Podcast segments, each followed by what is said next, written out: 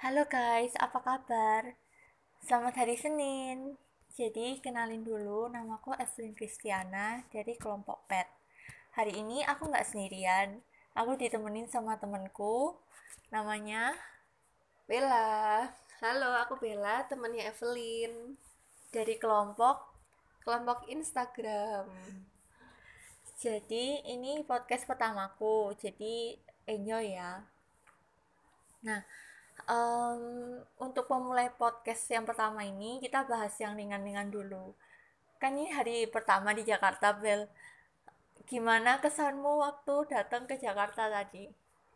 Eh, kesannya senang lihat gedungnya bagus-bagus di Jakarta.